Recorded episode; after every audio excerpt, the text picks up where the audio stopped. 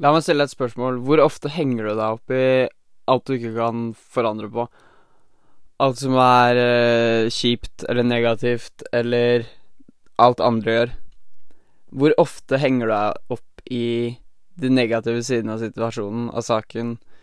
eh, alt som skjer mot deg og ikke for deg? Det er ganske ofte for meg. Sånn, når jeg sitter og spiller inn den podkasten her akkurat nå, så er jeg litt sånn der irritert for jeg ikke har fått eh, det her før flere timer senere enn jeg skulle på grunn av litt uh, diverse ting. Og det er sånn Hjernen bare vil fokusere på alt det negative og uh, Alt man ikke er fornøyd med. Men hvordan løser det egentlig situasjonen? Hva Hva gjør man bedre ved å henge seg opp i og tenke altfor mye på hva som ikke gikk? Det Det hjelper jo ikke så mye. Altså forventninger, for eksempel, da.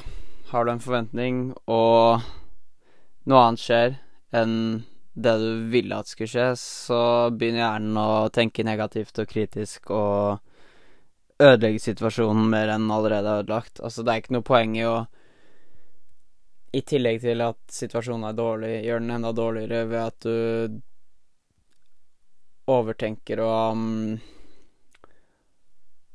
egentlig kjefter på deg selv. Det er i hvert fall sånn jeg pleier å gjøre det hvis jeg har gjort noe som jeg ikke er fornøyd med, eller sluntra unna eller brukt litt lang tid, så liksom er det den der eh, tendensen til å kjefte på seg selv og putte seg selv ned. Men uh, det løser jo ingenting. Det er jo bedre å ha litt mer uh, uh, mindset eh, for å løse situasjonen. Være litt mer løsningsorientert, litt mer positiv, og finne ut hva det beste man kan gjøre akkurat nå, er. Ikke sant? Hvordan er det klaging løser noen situasjon? Ingens.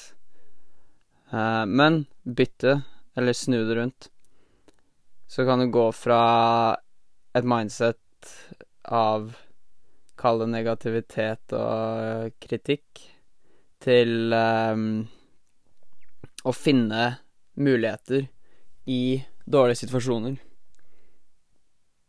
Hva er det du kan gjøre akkurat nå?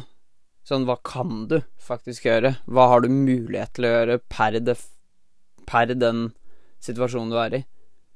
Ikke, ikke fokusere på alt som du skulle ønske at du kunne gjort. Fordi det er mye, og det hadde vært mye bedre hvis man kunne gjøre det sånn man skulle ønske, men det kan man ikke. Så hva er det du kan gjøre akkurat nå? Hvordan kan du forbedre situasjonen akkurat nå per de korta du har fått? Altså hvis Si du sitter og spiller kort, så klager du ikke og kjefter og håpløst gir opp fordi du ikke har fått de beste korta, men du gjør det du kan ut ifra de korta du har på hånda.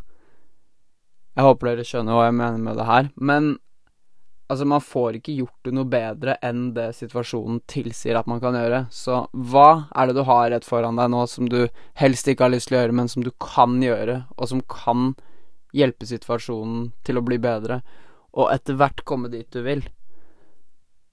Det er sånn Det føles som at man er stuck. Jeg føler sånn selv.